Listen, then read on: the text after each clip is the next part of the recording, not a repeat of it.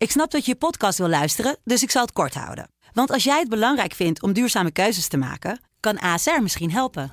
Nou hoor ik je denken, hoe dan? Nou, bijvoorbeeld bij het duurzaam herstellen van schade. Of de premies die we beleggen volgens ons duurzaam beleggingsbeleid. Dat bepaalt waar we wel en juist niet in investeren. Wil je meer weten over welke duurzame keuzes ASR maakt? Ga dan naar asr.nl slash duurzame keuzes. ASR doet het. Zo, dan kan je nu lekker naar je podcast luisteren. Welkom bij onze wekelijkse corona-update van de Telegraaf. Met de meest bijzondere verhalen uit binnen- en buitenland. Met Kamran Oela. Goeiedag, de corona-update vakantieeditie van woensdag 19 augustus 2020. Onze podcast staat deze week volledig in het teken van de zomervakantie. Deze week gingen weer een hoop gebieden op code oranje. Brussel, Parijs, Madrid, Mallorca en ook Ibiza. Onze telegraafcollega Marit van Leeuwen is net terug uit Mallorca en die spreken we daar zo over. Maar nu eerst vakantieschaamte. We kennen natuurlijk al vlieg en vlees en klimaatschaamte. En nu zijn er dus ook mensen die verwijtende blikken krijgen van collega's als ze vertellen dat ze naar Frankrijk zijn geweest. Of ze krijgen afkeurende opmerkingen op sociale media bij vakantiefoto's uit Spanje. Reizigers die toch besluiten om de grens over te gaan, worden door andere reizigers als onnodig gezondheidsrisico gezien. En dat krijgen ze te horen ook. Zo ook de 70-jarige Alex Oldekalt en zijn vrouw Barbara. Tegen de tijd dat de zomervakanties eh, aanbraken, begon men uh, ons ook te vragen: staat jullie bij? Blijven jullie ook thuis? Nee, nee, we hadden al heel vroeg geboekt. Wij gaan naar uh, Griekenland. Maar dat kan toch niet? Dat is toch onverantwoord? Dus, en toen kwam die ene opmerking van een collega bij mijn vrouw wat hard aan. Je zijt toch fernweh-egoïsten, reislust-egoïsten. En dat, dat stak haar toch wel. Dat, dat, uh, maar er waren ook collega's die zeiden: Nou ja, wij doen het niet, jullie doen het wel. Dat is, uh, dat is voor jullie prima. Dat kon ze ook goed hebben, maar zo'n zo echt verwijt, dat kwam toch wat hard aan. En ook wat vriendinnen die zeiden: Ga je nou werkelijk weg? Ga je het echt doen? Toch hielden die reacties het echtpaar niet tegen. Samen met hun twee zoons vertrokken zij begin augustus voor twee weken naar Griekenland. Ja, wij hebben samen afgesproken. De argumentatie is gewoon heel simpel.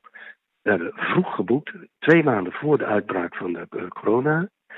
We hebben steeds grondig gecheckt hoe het land waar we heen gingen, Griekenland, erbij stond. Die hebben het, eigenlijk het beste van heel Europa gedaan. Het is een soort doodsast maar zijn kan omdat niemand durft. Dus we hebben gezegd, het land is vrij. Wie zijn wij om te zeggen dat het niet veilig is als, als dat van onderuit geen, uh, Duitsland, Nederland geen, geen waarschuwing bij zit?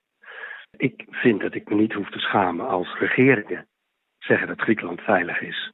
Als het vliegtuig veilig is. En we hebben een huis voor, voor, voor, voor vrijwel alle dagen van de vakantie. Ja, een risicogroep of niet, ook de 87-jarige Olga Walroth pakt begin augustus haar koffers en vertrekt voor een week naar Griekenland met haar kleindochter. Iets bekeken wat een beetje makkelijk was, ook voor, voor all-in en niet om tochtjes te gaan maken, want ik vind dat, dat vond ik gevaarlijk, omdat je dan moet je met de mensen in de bus en in de boot en uh, dat vond ik nou niet goochem om te doen.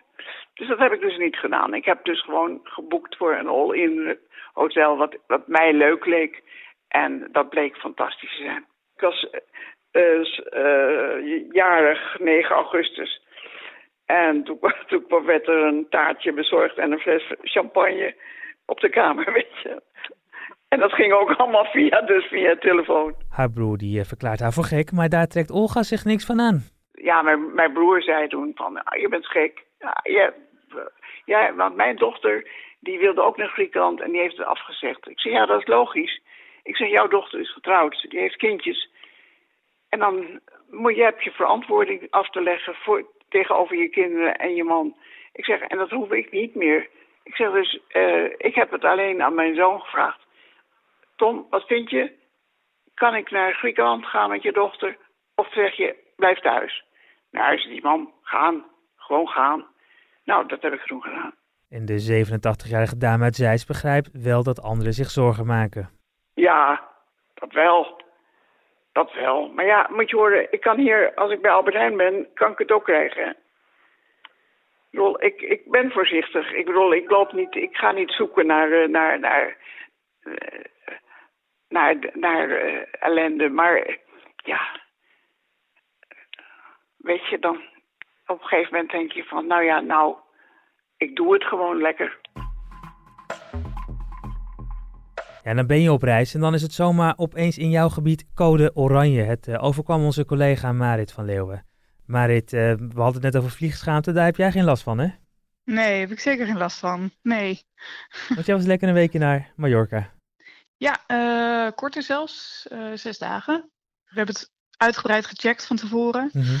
En uh, eigenlijk leek er gewoon helemaal niks aan de hand. Um, het was heel rustig qua besmetting, al die tijd al geweest eigenlijk op Mallorca. Dus geen reden toch om niet te gaan. We waren wel echt voorzichtig, ook omdat mijn moeder bijvoorbeeld in de risicogroep valt. Mm -hmm. uh, en we hadden onze vakantie zo ingericht dat, we, ja, dat we eigenlijk zo min mogelijk in contact kwamen met andere mensen ook. We zijn niet naar restaurants geweest en natuurlijk niet uit geweest. Um, nee. en, en we hadden een vrijstaande villa, dus wij dachten eigenlijk van nou, ons kan niks gebeuren. Maar goed, toen was het uh, zaterdag was onze vakantie uh, twee dagen onderweg en toen werd het code oranje. Ja, dus dan hoor je opeens dat in Nederland is besloten om Mallorca op de code oranje lijst te zetten. Hoe hoor je het eigenlijk? Is dat gewoon via de media of krijg je op de een of andere manier ook nog een melding?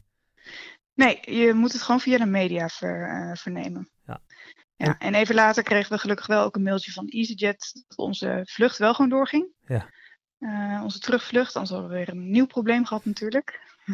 Maar we moesten het gewoon via de media uh, Ja, precies. En dan gaat de reis dus gewoon nog wel door. J jullie zijn daar al, dus je kan ook niet denken, ach, uh, we ontvluchten. Want, want was daar nog een ruimte voor? Kon je, kon je nog heel snel weg bijvoorbeeld? Nou, eigenlijk niet. Want wij kregen dat op zaterdagmiddag te horen.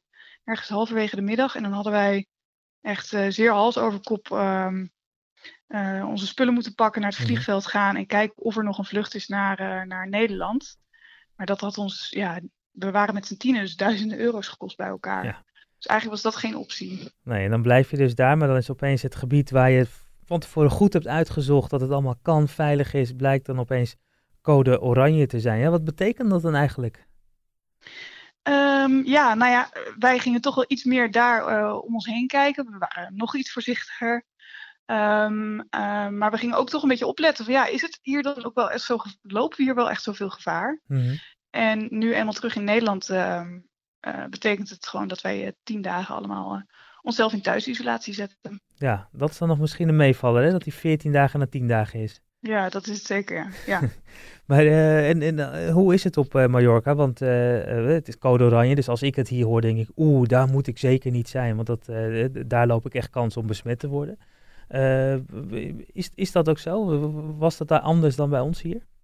Nou, ik heb me daar eerlijk gezegd, ik woon in Amsterdam en ik heb me daar veiliger gevoeld dan, dan hier in Amsterdam uh, vaak. Uh, het is sowieso ontzettend rustig, omdat een heel groot deel van de toeristen gewoon niet komt. Um, in, in, de, in de horeca wordt, wordt rekening gehouden met alle maatregelen. En je moet eigenlijk overal een mondkapje op. En dat gaf me gek genoeg toch wel een soort van veilig gevoel, ook in, in de supermarkt bijvoorbeeld. Um, dus ja ik, ik, ja, ik had niet heel erg het gevoel dat ik heel veel extra gevaar liep daar. Nee. Ook dus omdat het zo rustig was. Ja. En met het, uh, met het reizen, want uh, dan uh, uiteindelijk ben je nu weer hier in Amsterdam en dan moet je terug, terugreizen. Ehm, is, is dat nog iets waarvan je dacht, oeh, tricky met allemaal mensen in het vliegtuig? Um, ja, daar, daar zag ik van, voor, van tevoren vooral tegenop. Maar dat is me eigenlijk best wel meegevallen. Want ook in het vliegtuig werd ook het uh, gebruik van het mondkapje echt uh, heel erg uh, benadrukt. En het goed gebruik ervan ook. Dus er werd vaak langs het rijden gelopen om te kijken of mensen ze nog wel op hadden. Hm. En als dat niet zo was, dan werden mensen daarop aangesproken. En dat is dan ook gelijk wel heel anders dan in een volle trein tussen ja, Amsterdam en, en Den Haag bijvoorbeeld. Ja. Waar eigenlijk iedereen maar wat doet. Ja, en, en, en misschien ook niet zo snel elkaar erop aanspreken, terwijl zo'n vliegtuig op grote hoogte toch wat anders ja. gaat.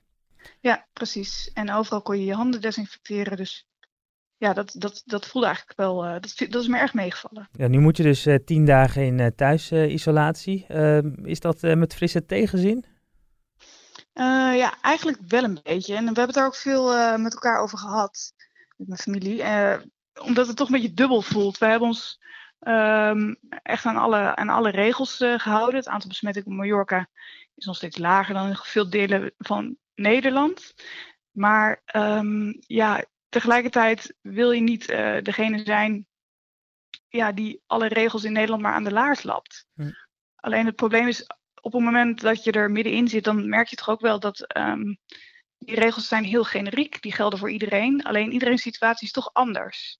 Dus wij hebben een ontzettend corona-proof vakantie gehad eigenlijk. Maar dat is lastig aan mensen uit te leggen als ze horen dat je op Mallorca bent geweest. ja, dat zal wel niet voor niets code oranje gebied zijn. Ja.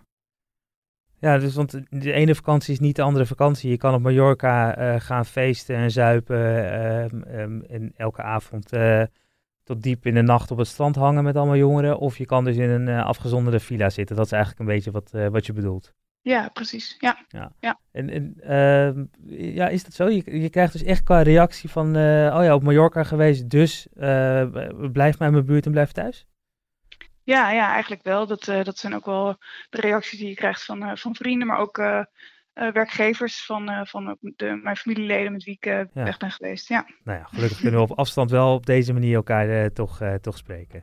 Precies, ja, dat is het voordeel van deze tijd. Ja. Marit, dank voor het delen van jouw verhaal. En daarmee komen we ook aan het einde van de, de Telegraaf Corona Update van woensdag 19 augustus. Voor mij drukte, hou afstand, blijf gezond en wat ons betreft tot de volgende aflevering van de Corona Update vakantieeditie.